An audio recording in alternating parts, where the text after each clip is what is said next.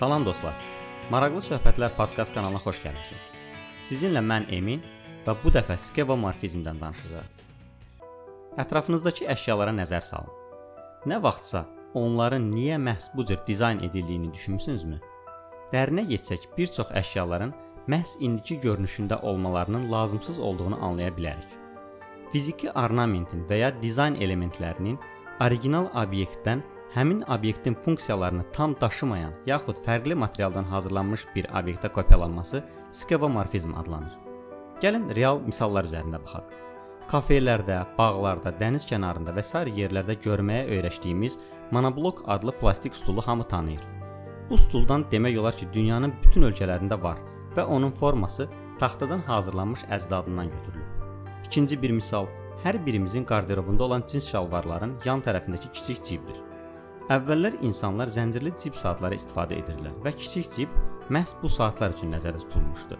İndi isə həmin saatlar artıq istifadə olunmur. Cib isə stilin bir hissəsi olaraq qalmaqdadır. Aranızda musiqi ilə maraqlananlar varsa, onlar yəqin ki, elektro gitara görüblər. Və yəqin ki, elektro gitaranın akustik gitaraya bənzəmək məcburiyyətində olmadığını da bilirsiniz. Çünki akustik gitaradan fərqli olaraq elektro gitaranın içərisi boş deyil və bu forma onun səslənməsində bir rol oynamır. Daha bir misal, restoran, bar və klublarda gördüyümüz vintaj lampalardır. Thomas Edison ilk dəfə közərmə lampasını ixtira edərkən yüksək parlaqlığına görə insanların onu normal qəbul etməyəcəyindən çəkinmişdi. Buna görə də o lampanın həm görünüş, həm də parlaqlıq cəhətdən o zamankı qaz lampalarına oxşar istehsal edilməsinə qərar vermişdi. Ən populyar misal isə istifadə etdiyimiz QWERTY klaviaturalardır.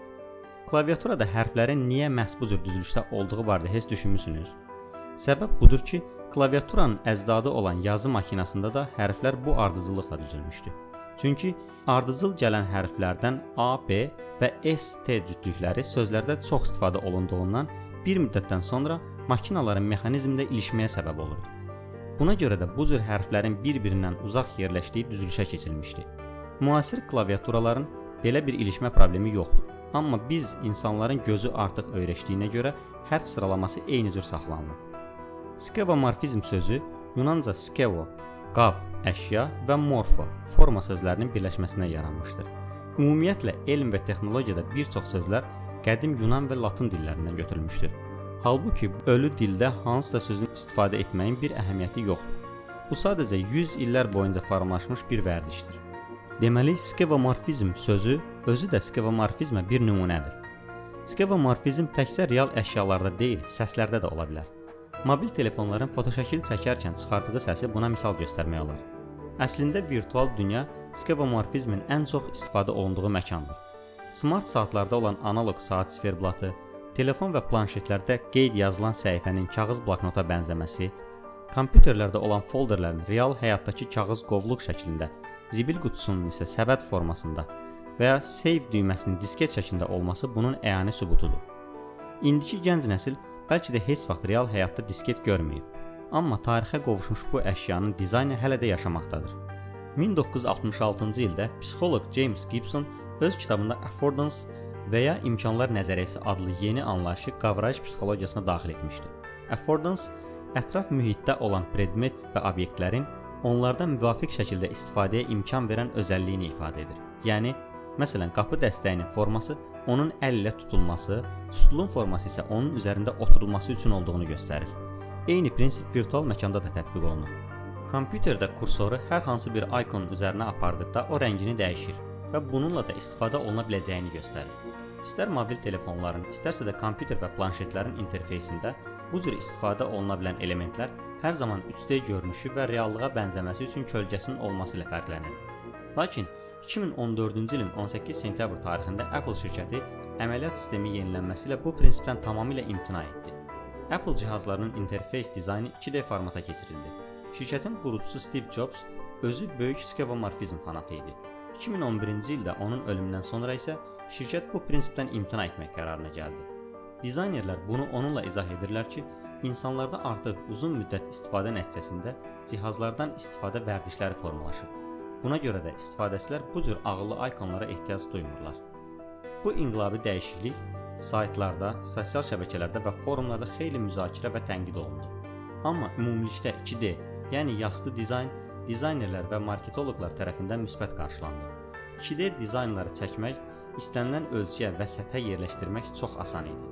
Nəticədə demək olar ki, bütün böyük şirkətlər, təşkilatlar və qurumlar öz loqolarını yastı dizayna keçirdilər. Veb-saytların interfeysi 2D dizaynla yeniləndi. Əslində yastı dizaynın əsası hələ 100 il əvvəldən qoyulmuşdu. O zaman avangardçı rəssamlar artıq fiqurlardan imtina edərək sadə həndəsəyə üz tutmuşdular.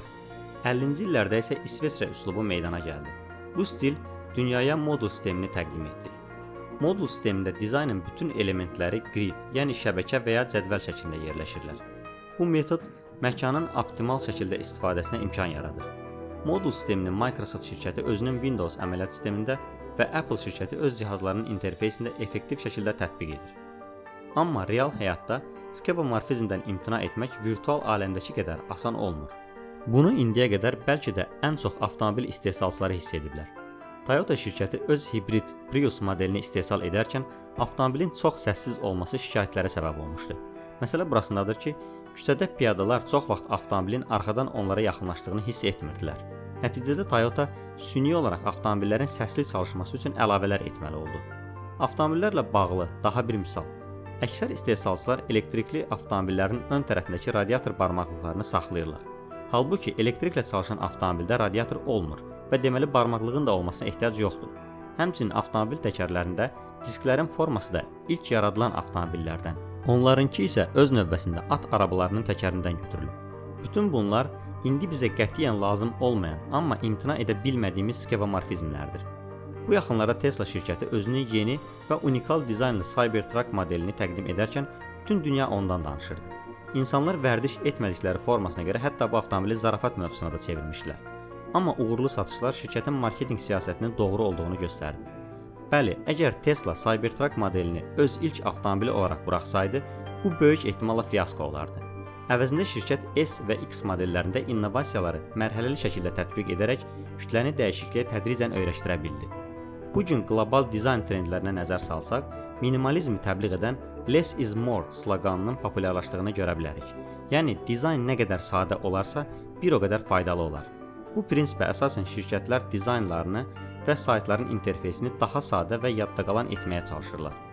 Hesablamalara əsasən insanın gördüyü bir şeyi bəyənməsi üçün 17 millisaniyə kifayət edir.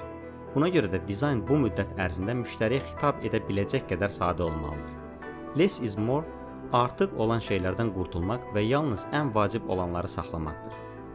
Texnologiyaların sürətlə mürəkkəbləşdiyi bir dövrdə isə bunu eyni sürətlə etmək demək olar ki, mümkünsüzdür. Yəni yaxın gələcəkdə hər birimiz pilotsuz uçan avtomobillərdə səyahət etsək belə, həmin avtomobillərdə indikilərə bənzər nəsə bir detal olacaq. Bu bizim psixologiyamızın qəfil dəyişikliklərdən şoka düşməməsi üçün lazımdır. Yuxarıda qeyd etdiyimiz Tesla-nın misalında da mütəxəssislər yeniliyi insanlara tədricən çatdırmaqla onları bir növ buna öyrəşdirirlər. Deməli, skevomorfizm ilk baxışdan lazımsız görünsə də, indiki zamandan gələcəyə keçid etməyimiz üçün əsas vasitədir. Dostlar, podkastlarımızı dinlədiyiniz və rəy yazdığınız üçün hər birinizə təşəkkürlər. Bundan sonra da bizə dəstək olmaq istəsəniz, kanalımızı paylaşmaqla bunu edə bilərsiniz. Hələlik.